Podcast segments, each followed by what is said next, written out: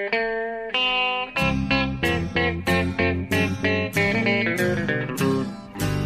out there, we're on the air. It's hockey night tonight. Tension grows, the whistle blows, and the puck goes down the ice. The goalie jumps and the players bump, and the fans all go insane. Someone roars, Bobby scores at the good old hockey game. Oh, the good old hockey game is the best game you can name. Hallå, hallå, hallå, hallå, hallå, hallå, hallå. Hallå där, hallå där och välkomna till podcasten, NHL-podcasten avsnitt hun- nummer 197 med eh, Jonathan Jonte Tomte Ekeliv Jonte Tomte. i Jonte Tomte i Stockholm och eh, eh, Bjurre Lustigkurre, Ja. eh, Per Bjurman, är jag då, i Las Vegas just nu. Eh, och vi ska försöka få ihop det här fast det är väldigt tidigt i Las Vegas. Klockan är bara den är 12 på dagen och det är ju exceptionellt tidigt i Vegas. Det är som 06.00 i andra städer. Ja, det är det faktiskt. Jag är lite imponerad att eh, det blir en ganska sen podd den här veckan. Det var svårt att få till för oss, men jag är ganska imponerad att jag lyckats få upp det i den här tiden i Vegas. Liksom, att vi ändå får till en podd den här veckan. Ja. Det Men det är bra det. Det är, det är ju så konstigt med start matchtiderna här för att de vill ju ha det på prime time, East Coast time, NBC. Ja. Något sånt här. Så matchen, det är fredag idag, har ändå börjat matchen klockan 17 lokal tid. Så att den är klockan 8 på östkusten då. Eh, East Coast bias, det gäller ju verkligen. Alltså. Ja, för det är där de har de största tittarmarknaderna. Så det är väl kanske, man får väl helt enkelt acceptera det. Ja. Och det gör ju då att det är bra att jag kommer upp i tid så att jag är mer igång när det är dags. Så att det inte, det kommer ju att kännas som 12.30 match. Eftersom Ja. det är Vegas. Ja, just det. Ja, precis. Men du gillar väl det där på ett sätt också? Dels av den anledningen som du sa nu, men dels för att jag menar, när du är klar med allt bloggande och textlämnande, är klockan är ju inte mer än 8-9 på kvällen då. Nej. Å andra sidan så spelar det ingen roll i Vegas när matcherna Nej, det är sant. Ja, det är aldrig last call här. Det finns alltid en bar att gå till. Ja, det om det skulle vara så, om man, om man nu håller på med sånt, det gör ju inte jag. Men... Nej, det vet vi ju att du är ju väldigt... Du, du gör aldrig sånt där. Nej. Ja, igår var jag ute och det vart inget, det det gick jättebra ett tag, upp som fan och sen var jag ner som fan. Det är inte kul alltså. När man, när, när man gör sig av med det man har vunnit, det är dumt. Det, är, det är sånt vi, vi inte ska rekommendera. Jag har ju upplevt det, det själv på någon eh, Detroit Casino där vi, där som, det som Capitals bodde på när vi var där. Så upplevde jag att, eh, lite liknande där. Att, eh, att du var rätt framgångsrik och sen så slutade det med 10 bucks till slut. ja, men ja, vi kanske ska understryka här att det, det, jag spelar ju bara för så, eh, vad jag har råd med. Jag spelar aldrig bort något jag inte har råd med. Det var ingen, Så, det var ingen stor ingångssumma du gick in med. Men sen så var du väldigt framgångsrik. Men sen försvann det själva vinsten. Ja, precis. Det är det. Man spelar med husets pengar och tycker att det är kul när man har dem och sen har man dem inte längre. Nej, nej.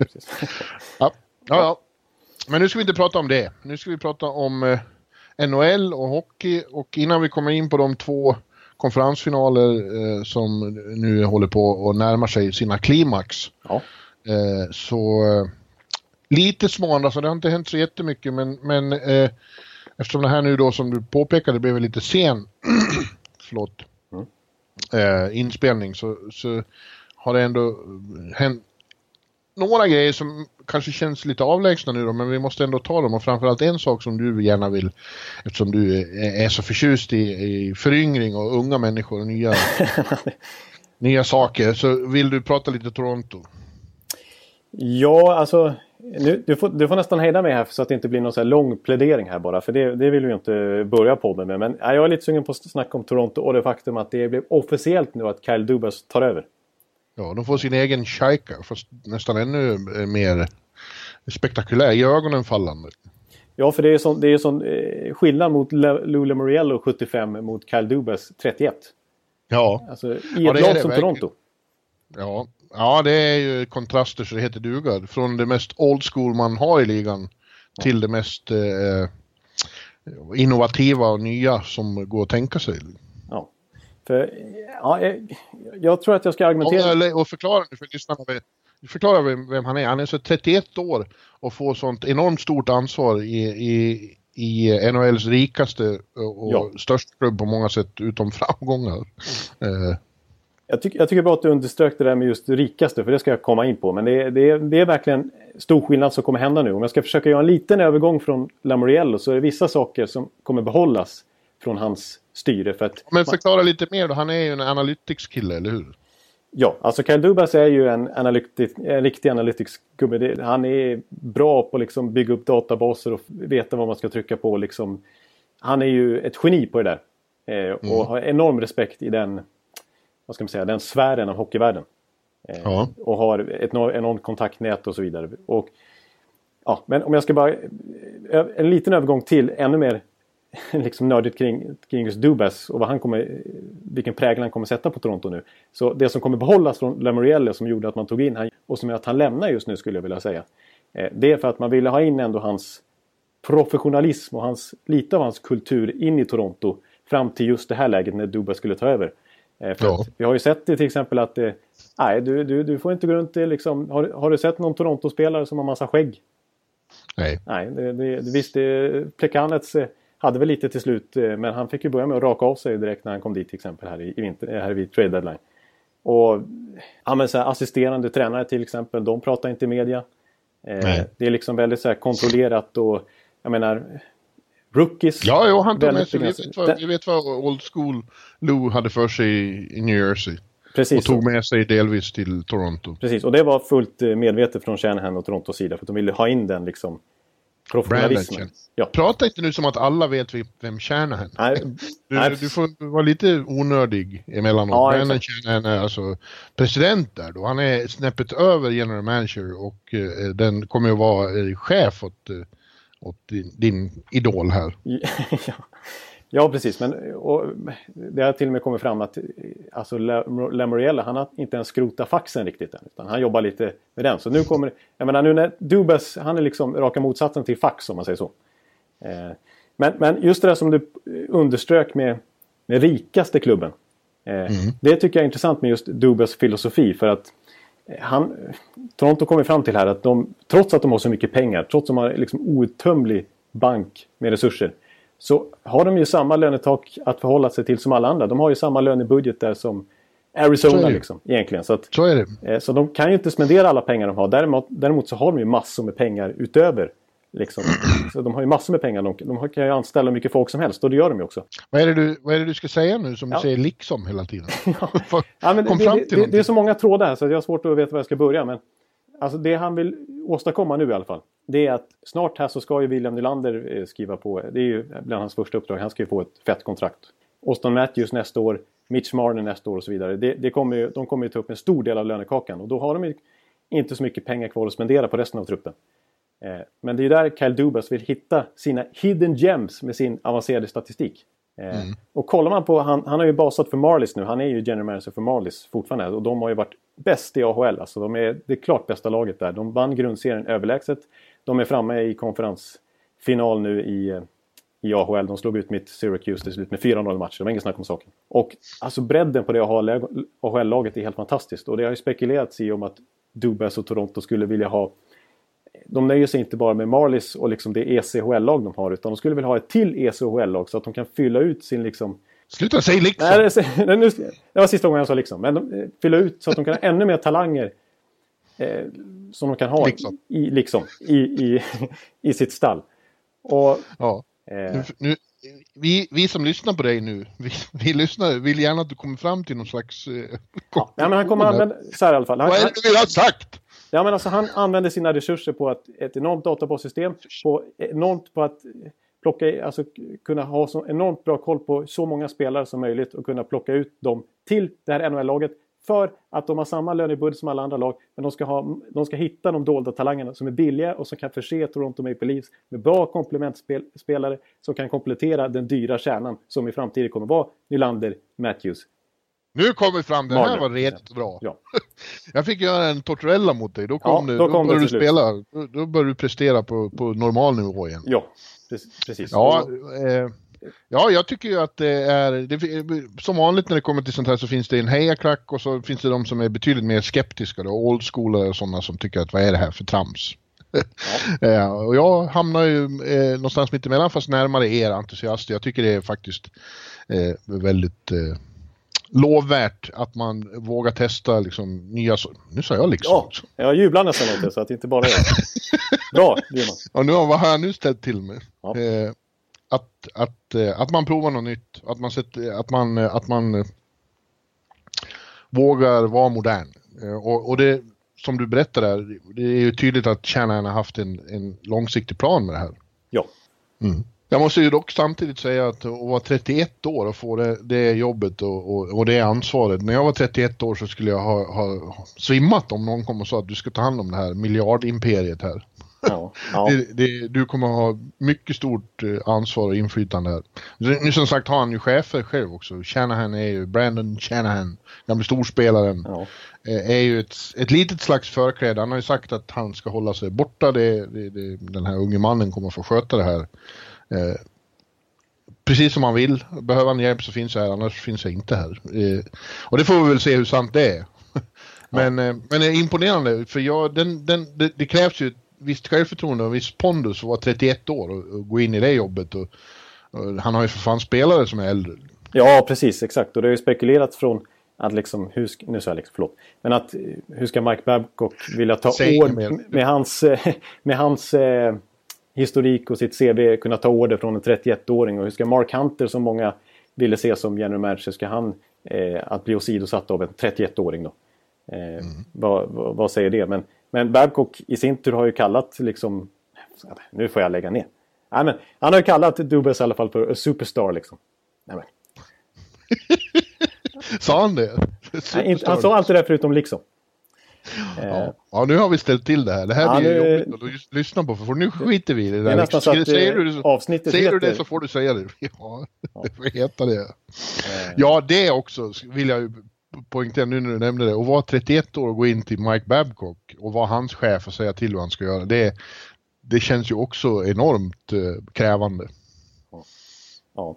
Men eh, som sagt, han har kallat honom Superstar och, har i det här läget i alla fall stort förtroende för Dubas och intresserad av det här projektet som de ska ja, verkligen... Det är säkert. Och, och vad ska han annars säga? Ska ja. ska han säga nej, så här vill inte jag ha det? Nej, precis. Men han har ju varit lite extra eh, så här nu när det har spekulerats när de åkte ut mot Boston att han eh, hade lite schism med Austin Matthews och så vidare. Men han har ju åkt till Arizona och besökt honom nu i sitt pojkrum ungefär gamla pojkhem mm. och han har åkt till VM nu och besökt Fredrik Andersen i hans hemmamiljö och sådär. Så att han har verkligen försökt och, och visa väldigt stort eh, eh, eh, förtroende för Dubas här i senaste intervjuer. Eh, ja. Men ja, jag kan säga just det här med att de är rika också. Det, det, är ingen tillfällighet, tror jag i alla fall, att svenska spelare, odraftade svenska spelare som Kalle Rosén och, och Andreas Borgman förra året och nu Per Lindholm ju från Skellefteå väljer just Toronto. Dels på grund av Dubas filosofi, det är ingen slump att de har plockat just de här killarna. Och dels för att när de presenteras för Toronto med alltså den, den lyxen som de levererar till sina spelare även utanför NHL. Alltså man får nog ett väldigt gott intryck av den föreningen. Så mycket pengar som de har. Det är ingen förening, det är ett företag. Ett företag, det är verkligen ingen förening. Det är, så funkar ju verkligen inte NHL. Utan det är ju eh, så långt ifrån förening det går. Det är privatstyrt så det sjunger om det. Ja, det är en organisation säger vi. Ja. ja, det här är uppenbarligen ett, ett ämne som ligger dig varmt om hjärtat. Så nu ja. gläder vi oss åt att du har fått utgjuta dig om detta men går vidare. Ja, det är nästan skönt. Jag är helt andfådd efter. Du skruvar ju upp dig här så man vart ju alldeles orolig. Ja.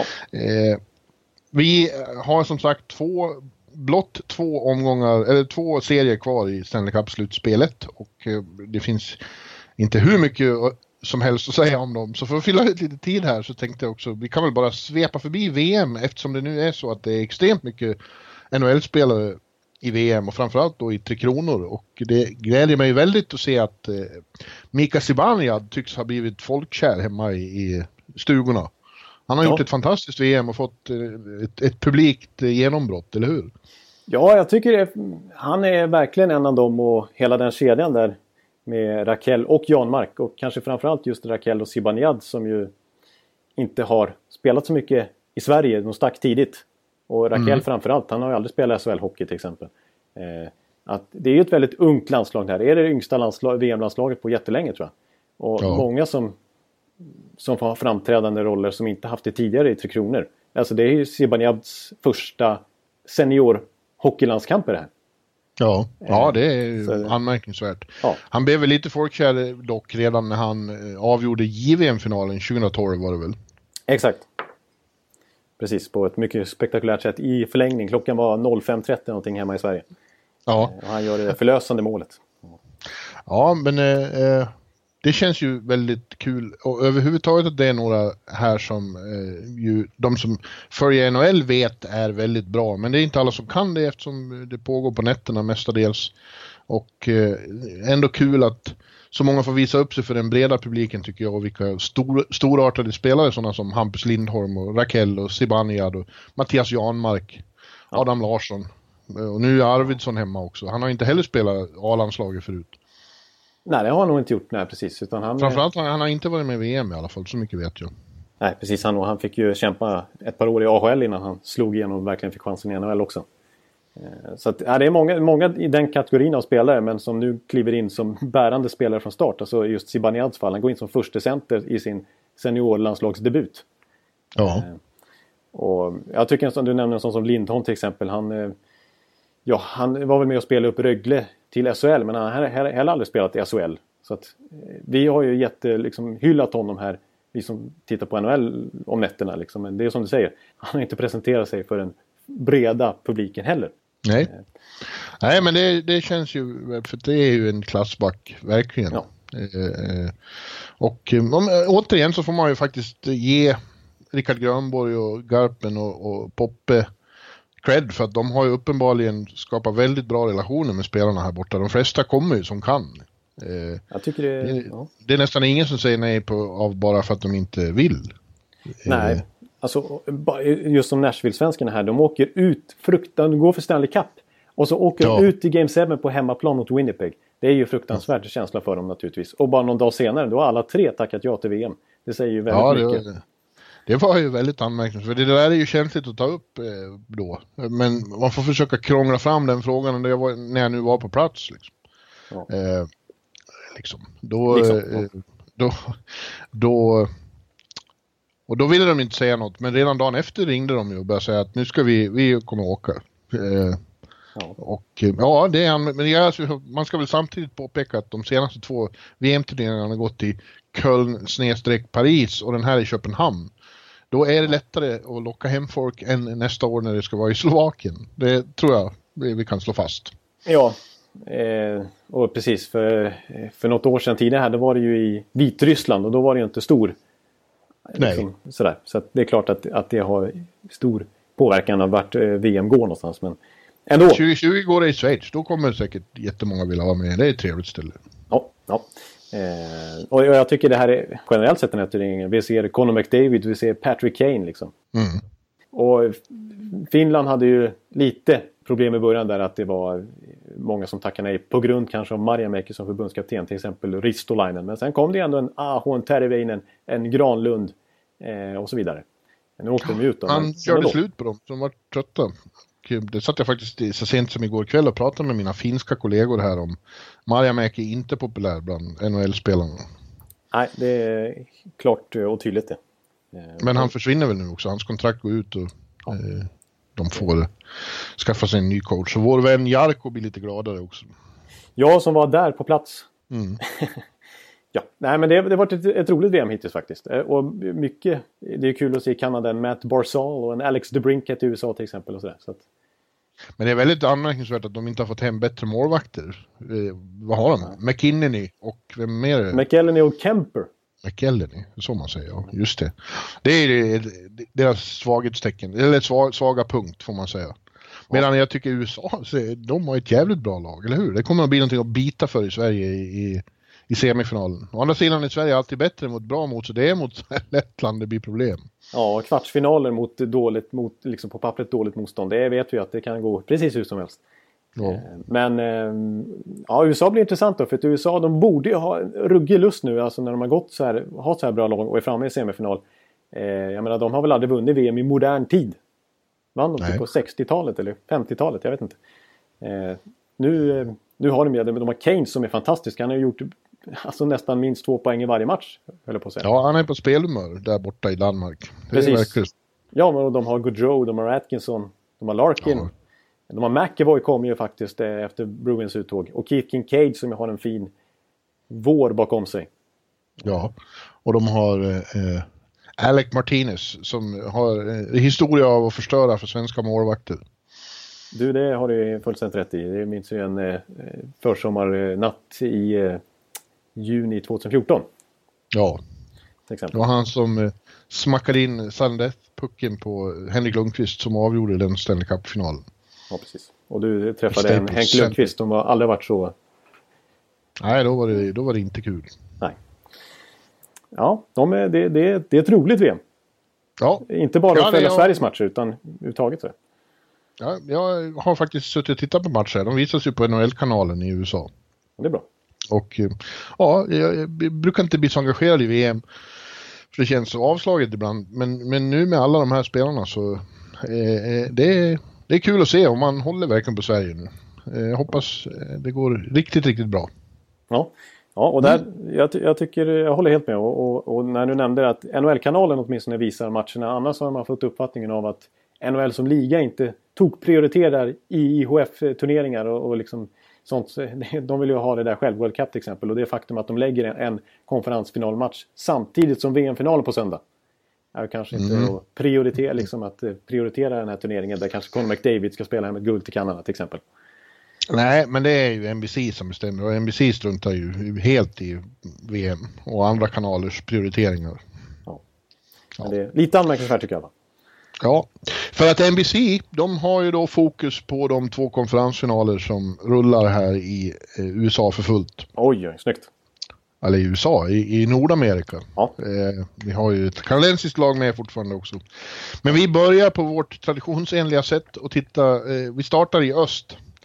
Eh, mm. där vi har serien eh, Tampa Bay Lightning mot Washington Capitals och eh, den har tagit en eh, intressant skepnad får man säga. Först eh, så vann alltså Washington båda matcherna nere i Tampa i Amalie Arena.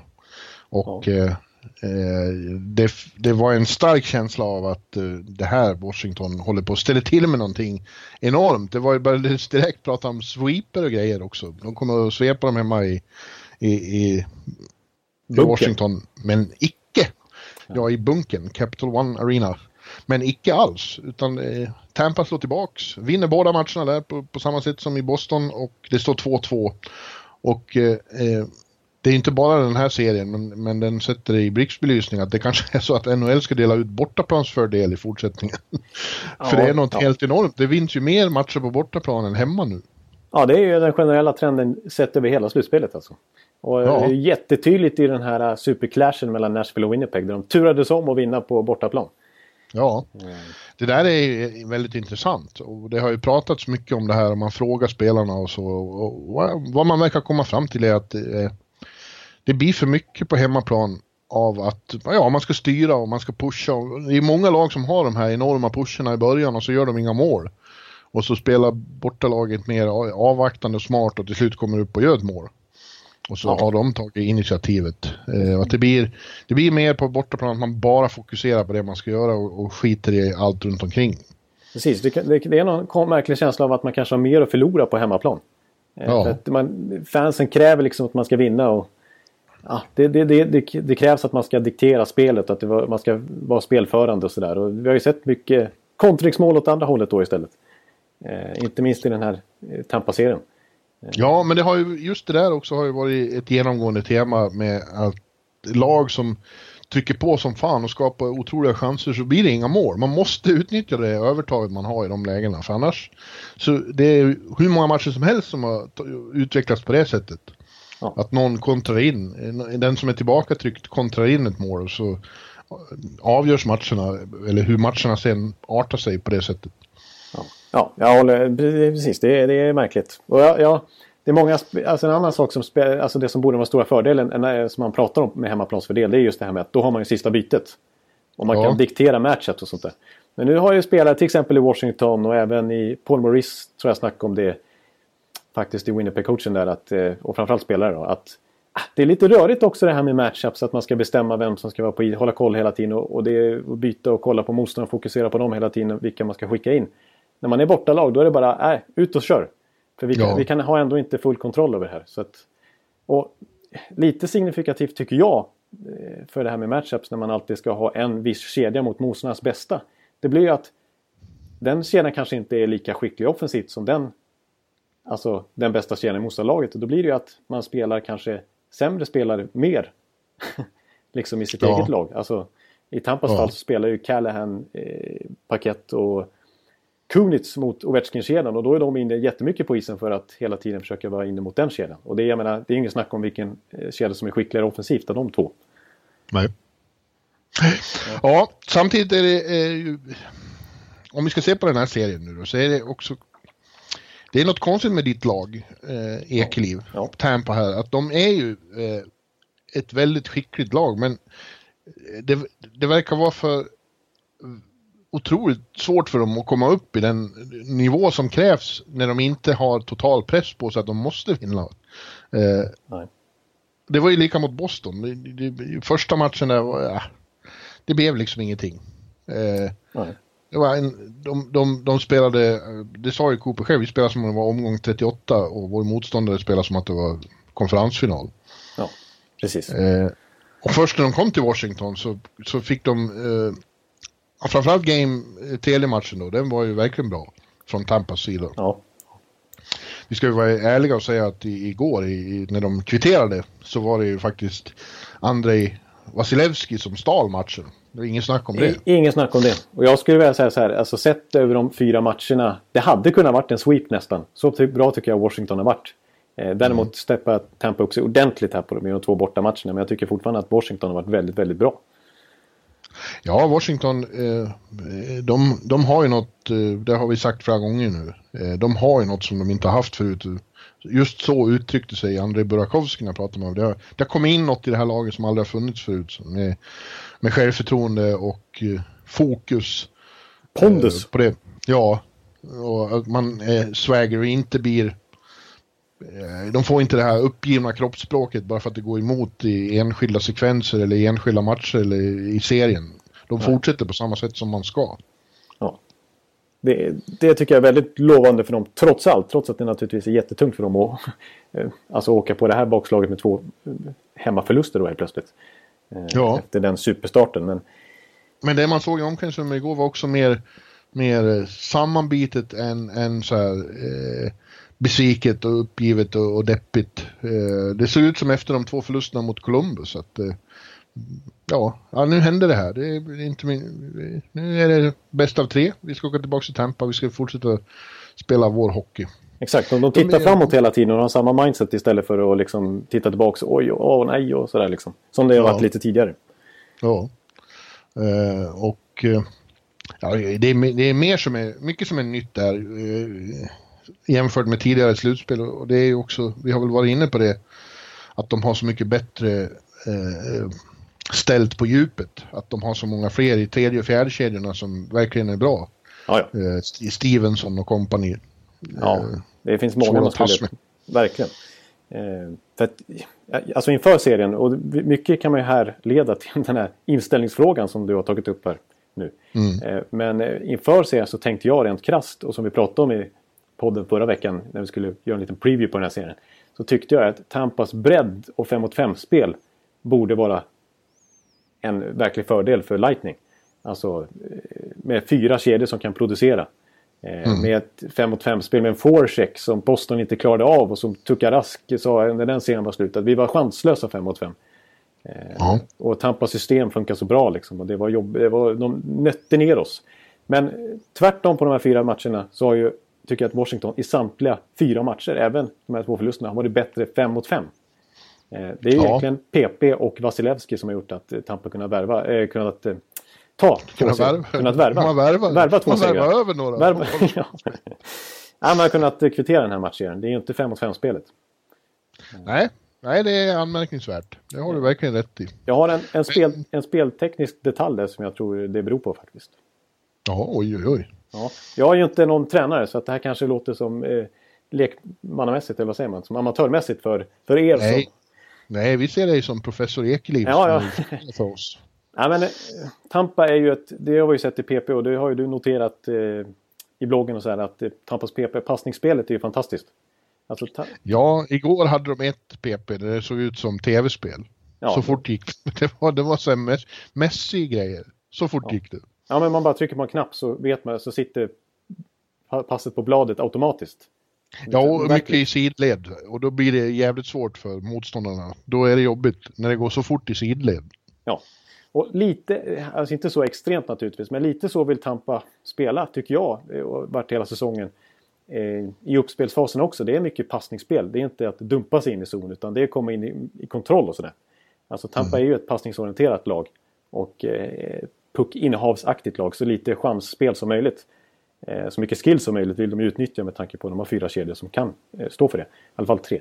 Och, ja, men, men eh, Washington spelar i alla fall 1-1-3 försvar.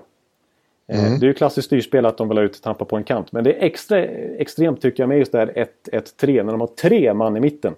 En spets som är ute och liksom ska sätta press på Tampas back i uppspelsfasen och styra honom ett, ett håll. Och så går han åt ena hållet, då sätter forwarden bakom honom lite press och täcker samtidigt av så att han inte kan slå en pass in i mitten. Och då isoleras den forwarden och möter en back på kanten där och måste antingen försöka finta sig förbi den backen för han har inget passningsalternativ, eller dumpa.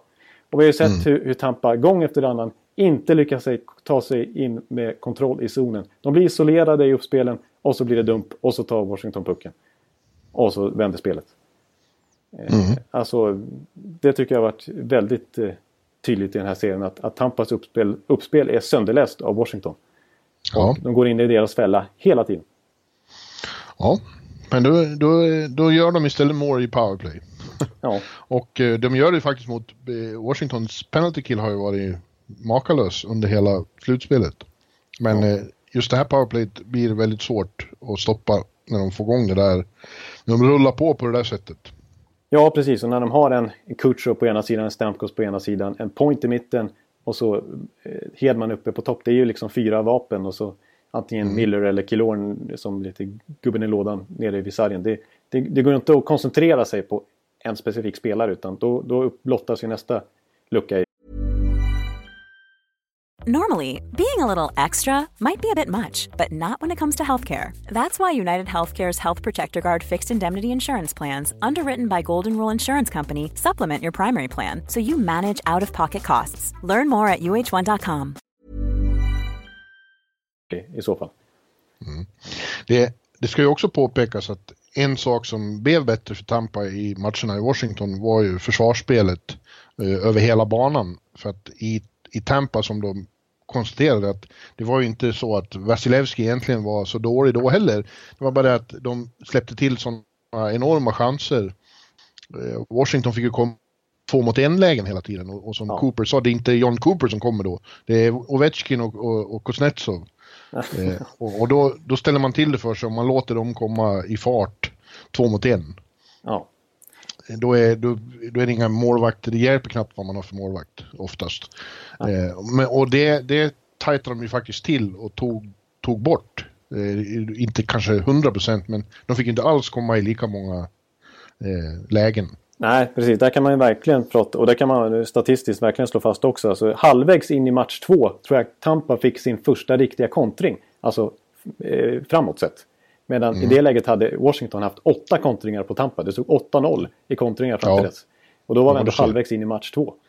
Ja, och som Strålman påpekade när jag pratade med honom, det, det blir... Det, det, ser ju bara ut som att det är vi backar som är dåliga, men, men eh, när forwards hjälper till i forechecking och backchecking, eh, då blir det färre sådana här lägen och då blir det lite lugnare för oss backar också. Vi måste inte bara släcka bränder. Nej, precis. Och det, det, där tycker jag verkligen att Washington sitter ihop mycket mer. Eller gjorde det framförallt det i början av serien. Eh, det har ju Tampa tajtat till då som sagt. Att, att mm. eh, fungera som en enhet. Och det, för det, så måste det fungera. Det går liksom inte att köra lite här, var för sig så att säga. Nej. Ja. Nej, och så har vi, fick vi tillbaks Niklas Bäckström igår då, som har missat fyra matcher med en trasig hand och den handen är ju fortfarande illa demolerad. Jag tror, det har inte sagts något, men förmodligen bröt han ju några fingrar. Oj, när han stoppar pucken med handen och, och det är inte lätt. Eh, eh, händerna betyder rätt mycket, inte minst för en playmaker och tekare och allt vad det var. Ja. Eh, som Niklas gör. Eh, men jag tyckte att han såg helt Han började med att vinna två teckningar igår och sen var han väl kanske lite, lite off i timingen. Det blir man ju när man missar så eh, ja, en och en halv vecka, två veckor nästan. Ja, det är inte så lätt att slänga sig in i en konferensfinal då med det tempot. Liksom. Nej, men han kom ju in sen och var ju dikterade i powerplay och så på, på samma sätt som han brukar. Ja. Och han kommer ju vara en tillgång i fortsättningen här. Och frågan är nu vad som händer. Det är som sagt bäst av tre. Jag sa före matchen igår att om Washington vinner och ska få 3-1 överläge, då är det nog över. Men nu när det blir 2-2 så är all bets off. Det är jävligt svårt att eh, sia om. Eh, ja. Viktor sa igår att vi ska bryta den här hemmaförbannelsen nu, men det är ingen som vet. Det är lätt att säga det. Ja, jag är otroligt spänd och oviss inför hur, hur spelbilden kommer se ut i den här femte matchen. Alltså. Eh, om Tampa ska försöka ta tag i spel, eh, taktpinnen. Eh, om Washington kommer fortsätta på exakt samma sätt som de har gjort. Eh, liksom hur, hur de kommer tackla den matchen. För att Tampa-publiken skulle ju normalt sett inte gilla att, att de inte skjuter ett skott på mål på 20 minuter som det var fallet igår. Det var en period mellan slutet av eh, första och slutet av andra eller mitten av första och andra som det var alltså noll skott på drygt 20 minuter från Tampa. Sa inte Kucherov till och med det efter någon av matcherna? Man, vi vill ju underhålla våra fans också. Ja, men det är så här, Tampa, jag menar, de gjorde mest mål i hela grundserien. De gjorde mest mål i grundserien eh, som något lag har gjort sen Capitals gjorde det 2010. Eh, de hade, det är ju ett offensivt lag som förväntar sig att de ska briljera inför sin hemmapublik.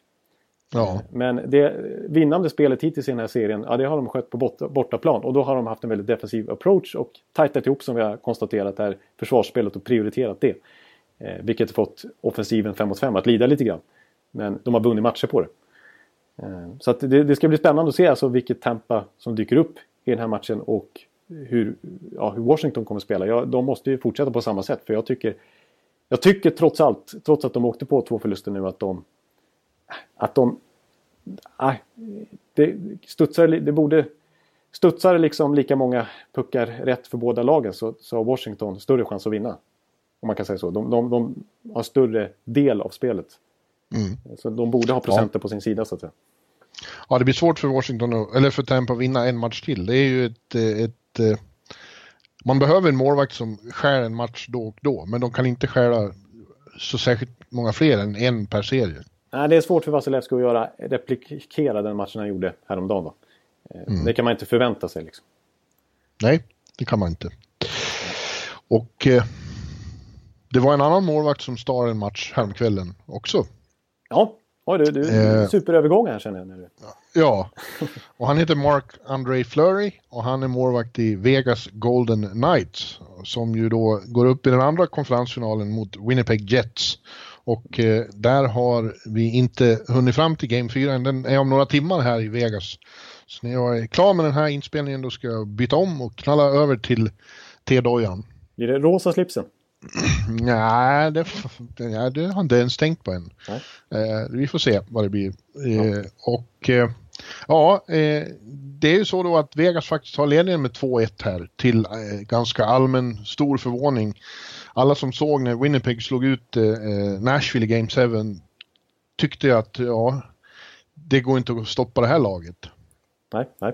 Eh, de kommer att vinna lätt i konferensfinalen och gå, gå till Stanley Cup-final. Men så lätt har det minsann inte gått. Det, det började så, första tio minuterna i Game 1, då såg det ut som oj, oj, oj, oj, vilken slakt det här kommer att bli. Ja, då kändes som de... precis det som du sa, klasskillnaden från det här supermötet de kommer ifrån och direkt bara kunna koppla över till en ny serie och sen slakta Vegas de första tio minuterna.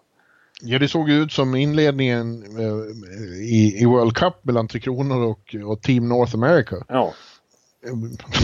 Vegas stod bara och tittade medan det svischade till och så var det tre mål på sju minuter eller vad det var. Ja. Ja. Men Vegas, de eh, bara ryckte på axlarna och sa jaha, nu blev det så. Nu får vi skärpa till oss och, och ändra spelet. Och sen, sen dess, sen, sen slutet av första perioden i Game 1 har de varit ganska jämbördiga med Winnipeg. Ja. Och jag, tror, jag tycker det redan har börjat framgå att de, Nashville är kanske ett bättre lag sett på pappret och vad de har. Men jag tror ändå att Vegas är svårare att spela mot för Winnipeg. Ja, det, det, det är något med det här Vegas-laget alltså. Som är ja. otroligt speciellt. Och just det där som du säger, visst de var ju, blev ju överkörda där när de kom upp till whiteout för första gången. Eh, de där tio minuterna. Och, och, och Winnipeg hade Game 7 tempo i sig.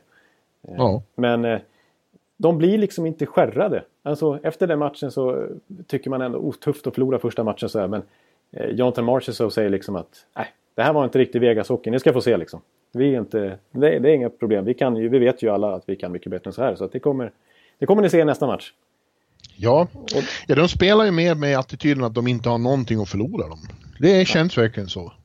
Nej, precis. Exakt, verkligen så. Så de, de är helt avslappnade hela tiden. När du pratar med Wild Bill, han känns ju helt obekommen. Ja. Alltså, så här, alltså, han, han snackar på lite grann. Liksom. Är, ja. Han är naturligtvis fokuserad, men det är ändå avslappnad. För att inte tala om Mark Andre Fleury liksom.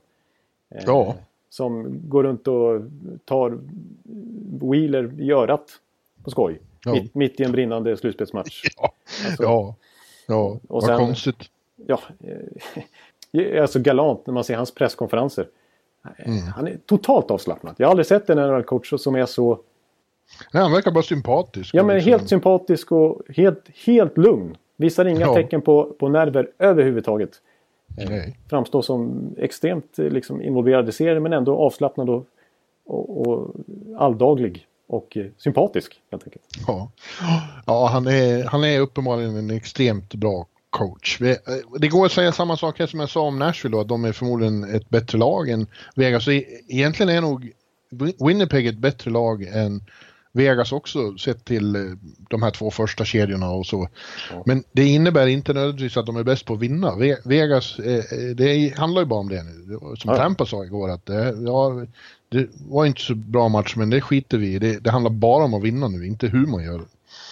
Nej. och det konstiga med Winnipeg, om man ska titta på dem nu, det, det var någon som påpekade, jag satt och tittade på NHL Network igår, jag tror det var gamle Michael Rupp som sa det. Att, eh, ja, eh, Winnipeg är ett väldigt bra lag men vad, vad, som framkommer i brist på rutin i slutspelet är att för att vinna sina matcher så måste de få igång sitt målskytte och gör, göra mycket mål. För de, de vinner inte de målsnåla matcherna, de vinner inte när det blir tight.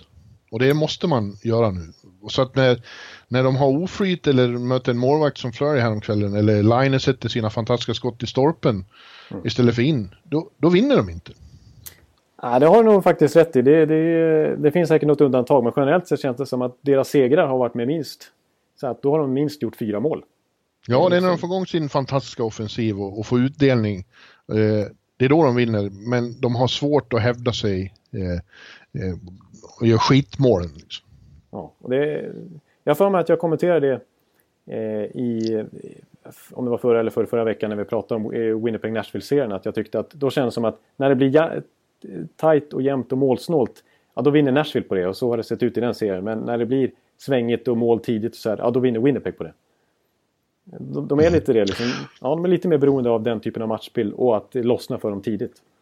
Ja, samtidigt är det då, och möjligen lite motsägelsefullt det då, att de får, när de får första målet så vinner de i allmänhet. Eh, det är väldigt viktigt för motståndarna att se till att, att Winnipeg inte får några mål. Går de upp i 2-3-0 ledning, då har de ju en väldig förmåga att stänga ner också. Ja, ja det får man verkligen säga också. Eh, det, ja, verkligen. Jag undrar vad statistiken egentligen är. Det har säkert eh, någon tagit fram här sista dagarna. Men när de har gjort första målet, hur, hur stor del av matchen de har vunnit då alltså. Ja. Ja, det, det, blir, det blir fantastiskt intressant att se. Det, den här game, eh, tredje matchen här i, i, i Vegas då häromdagen som är, är otroligt rolig att vara på. Det är sån action på de här matcherna runt omkring som man, man, man blir alldeles eh, tagen. Du kallar för torktumlare första perioden eh, som du bevittnade ja, i, i Vegas häromdagen. De, fansen är ju så enormt lyckliga över det här. Och stället, alltså det är väl egentligen så att de är mer kanske högljudda i Nashville och Winnipeg. Men det är mer fest här. Det, är som, det, är som, det händer någonting precis hela tiden. Så man bara sitter och va, va, va? Man glömmer nästan att man är på hockey. Och, och människor älskar det så mycket. Liksom. Det är säkert eh, hockeypuritaner som hatar det. Eh, så här ska det väl inte vara. Men när man är där så är det extremt kul faktiskt.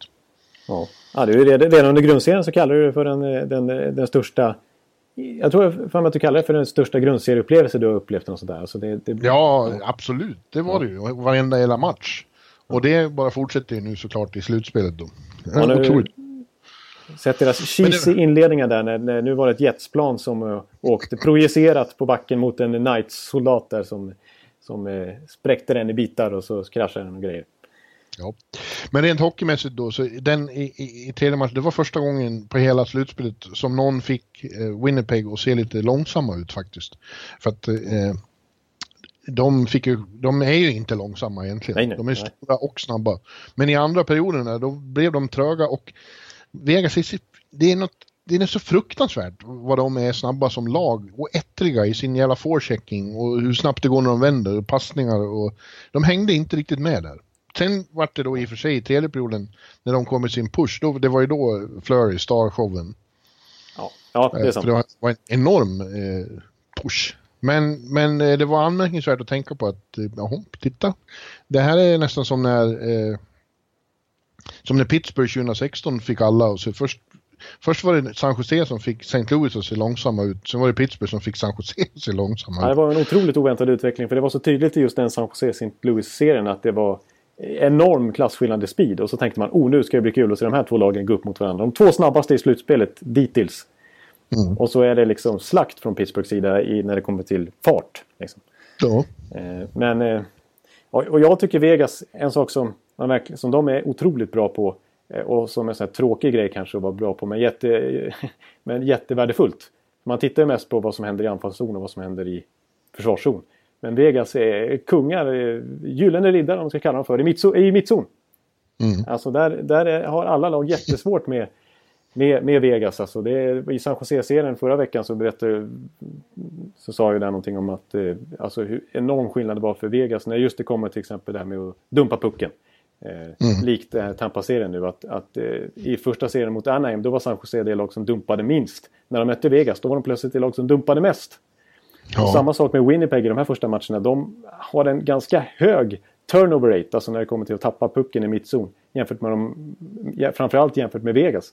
Alltså stor skillnad där eh, när det kommer till kontroll på pucken i mittzon. Där Vegas är otroligt bra, bra i mittzon, både anfallsmässigt sett och försvarsmässigt sett. Och det är viktigt. Ja. Det har hänt mycket spännande här också. Vi har en liten kontrovers mellan målvakterna nu. Eh, för efter matchen i, i, i, i förrgår då fick Hellebucken fråga om Flurry. Och han sa, åh visst, han var bra ikväll, men jag föredrar mitt eget spel. Eh, eh, Hur mycket som helst. Jag är bättre, typ. Idag fick, eh, jag såg att Marchesa hade fått frågan idag om det. Vadå, sa han det? Psh, och fnös. Ja, Jag tar Flurry alla dagar i veckan för eh, Hellebuck. Oh. Ja, det gillar man ju. Det gillar man ju. Ja, då blir det lite hett. Eh, Samtidigt, ja, vad har vi mer? Det finns så mycket att säga om den här serien. Men vi måste ju nämna Shifley också. Alltså, människan är ju extremt het. Går de till final och vinner så är ju han eh, Conn Smythe. Det kan inte vara på något annat sätt. Nej. Han, eh, vad är han uppe i? 14 mål 14 mål. sammanlagt. 14 mål på Och- 15 matcher. Ja. Och eh, 11 av dem har han gjort på bortaplan och det är rekord. Ja, ja det, är en, det är en oväntad statistik. Men så är det ju. Det är ju, det är ju starkt. Det är ju rekord som du säger. Bäst Ja, någonsin. Cro- Crosby hade 10 2016 och Joe Mullen i Calgary hade 10 med Calgary 1989. Ja. Eh, och eh, nu har Shifley 11. Och det vi, är, alltså, vi är i mitten av konferensfinalen. Ja, precis. Det, det kan, eh, han kan hålla på ett tag till och dryga ut den där statistiken. Krossa eh, tidigare rekord. Men vilken fantastisk hockeyspelare. Vi- Visste du att han hade så här mycket potential? Nej, inte så. Han trodde nog det. För det pratade de om för några veckor sedan. Vilket självförtroende har och vilken träningsprodukt. Eh, Han, han ser närmast kaxig ut. Ja, Faktiskt. och han sa inför säsongen jag ska vinna poängligan. Det är mitt mål. Eh, men ja, alltså jag skulle säga så här. Våren 2018. Eh, eller försommaren vad man nu vill kalla det nu. Eh, vi har ju så bra väder i Sverige vet du Bjurman. Det är ju 27 grader här och Jag har toksommar. hört talas om det. Ja. Eh, då, eh, ja, då är han världens bästa spelare i slottet. Alltså, Mm. inte, alltså för han, gör, han gör mål på styrningar, han gör mål på otroliga skarvningar. Han gör mål Ja. på fantastiska direktskott, han gör mål på otroligt snärtiga handledsskott. Eh, Ja. Han har gjort 14 mål hittills alltså, och han gör dem på olika sätt. Och det, de- men de flesta är ju nära målet där han är skoningslös. Ja. Så att, eh, alltså, han har ett fantastiskt bra skott men han har otrolig, det gamla klyschan näsa för mål också. Att, eh, alltså, han- får så otroligt mycket lägen. Han har ju mängder av attempts också när det kommer till alltså, skottförsök från slottet. Det är ju svårt att, att hitta utrymme där. Och frigöra eh, sig det utrymmet så att man kan få ett läge i slottet. Så att en, en medspelare kan passa in till en där. Men han lyckas ju så många gånger och därför blir det ju, ju mer försök man får ju större chans är att man gör många mål också. Mm. Eh, Han är grym på att skjuta, på att utnyttja lägena och han är grym på att skapa sig lägena. Ja. ja, frågan är vad som händer nu då. Ja. Jag... Eh, Morris är ju en klok man. Så han säger att det, det händer saker hela tiden som är första gången för oss. Vi ska få oss enorm erfarenhet. Det här är första gången vi ligger under i en serie. Det är första gången de har fått stryk två matcher i rad i slutspelet. Eh, det ska bli intressant att se hur vi hanterar det. Så. Eh, jag skulle säga att oddsen är ändå att det blir 2-2 ikväll. Därför att, eh, ja, Vegas vill verkligen ta den här chansen och i den här stan vet man hur viktigt det är. Och när man har läge och, och, och, och döda. Eh, måste splitta korten och dubbla när man har läge. Ja. Eh, men, men det är, eh, som jag brukar på, skriva och säga, skillnad på vill och måste. För Winnipeg är det nästan måste nu. De kan inte hamna i 1-3 underläge. Och, Nej, det har de ingen lust att göra. Nej, det är, ingen, det är inte alls bra. Och det framstår också som så jävla konstigt att, att, Vegas skulle vinna tre matcher i rad eh, mot dem. Eh, så att, eh, men det är inget är säkert. Det är väldigt tajt och, och beroende på så mycket saker som ska hända så att det, det, är många moving parts som de säger här. Ja, precis. Uh, ja, Winnipeg är ju, deras högsta nivå i matcherna är ju högre än Vegas. Mm. Det tycker jag så. Men just det, det är lite det som måste stämma för, för Winnipeg då. De, de behöver få utdelning för att annars blir de lite krokiga som jag sagt. Och eh, Flurry, om han är på det här humöret som han är just nu, alltså som han har varit i samtliga serier fram till nu. Ja, då är, då är han spöke också. Ja, så att de... högsta grad. Och, och, de behöver secondary score. Vi har pratat om Scheifele nu. De måste få igång linan. Han har ändå trots allt inom citationstecken bara gjort fyra mål i det här slutspelet. Eh, och, och Little står kvar på ett mål. Perrault står på ett mål. Ehlers är halvskadad och gjort noll mål. Eh, Stasny mm. har, eh, var ju fantastisk Game 7 och gjort ett bra slutspel. Men har bara gjort en ynka assist de där första tio minuterna sedan dess i den här serien. Eh, så... Ja, de behöver få igång hela laget. Ja. Inte bara Scheifele. Nej. Ja, vi får se. Hörru du, nu måste jag göra mig ordning här och ta mig till T-Mobile. Ja, eh, det, det, tycker jag att du ska göra. Om, eh, ja, en sak som vi får ta upp eh, med Vegas nästa vecka i så fall, som jag är sugen på att höra mer om, som jag visserligen har läst om i tidningen, det kan jag göra nu, på nätet, om, om hur det är att gå på en Vegas-träning. Det är ja. något speciellt extra det också. Ska vi ta det nu eller ska vi ta det nästa vecka? Nej, vi tar det nästa vecka. Om ja. de är kvar då. ja, precis. Vi får se. Ja. Eh, för det är något alldeles Men vi extra. hugger väl till nästa gång när, vi, när de här serierna är avgjorda, skulle jag tippa. Ja, det det är precis. Då, blir det, då blickar vi mot final. Alltså. Oj, mm. det är så långt ja. framme nu. Ja. ja, otroligt. Ja, men du, eh, tack för den här veckan då. Ja, jag säger eh, detsamma. Jonte Tomte. Tack så mycket Björre Lustigkurre. Jonte är en tomte. ja. Du är en lustigkurre Björre. Och eh, ha en trevlig avslutning på de här konferensfinalerna. Så hörs vi när det vankas final. Yes. Det blir bra det här, liksom. Ja, vi säger så, liksom. Hej då, liksom. Hej då, liksom. Hallå, hallå, hallå. Hallå, hallå, hallå. Alex Chiazot, Joe Luis Arena och Esposito. Esposito. Uttalsproblem, men vi tjötar ändå. Och alla kan vara lugna, inspelningsknappen är på. Bjuder Hanna Kohl, han är grym i sin roll. Från Kållesoffan har han fullständig kontroll på det som händer och sker. Det blir ju allt fler som rattar in hans blogg. Och lyssna på hans podd. One, two, three, speed, so Hallå, hallå, hallå. One, two, three, speed, so Hallå, hallå, hallå. Ekeliv, som är ung och har driv. Verkar stor och stark och känns allmänt massiv. Han hejar på Tampa och älskar Hedman. Sjunger som Sinatra. Ja, och det ser man. Nu är det dags för refräng. Dags för magi, Victor Norén. Du är ett geni. Så stand up at home and remove your hats. Höj volymen, för nu är det plats. One, two, three, speed, so Hallå, hallå, hallå. One, two, three, speed, so Hallå, hallå, hallå. One, two, three, speed, so Hallå, hallå, hallå. One, two, three, speed, so Hallå, hallå, hallå. Det är otroligt länge sedan båda samtidigt var så här bra. Hallå, hallå, hallå. Det är otroligt länge sedan båda samtidigt var så här bra.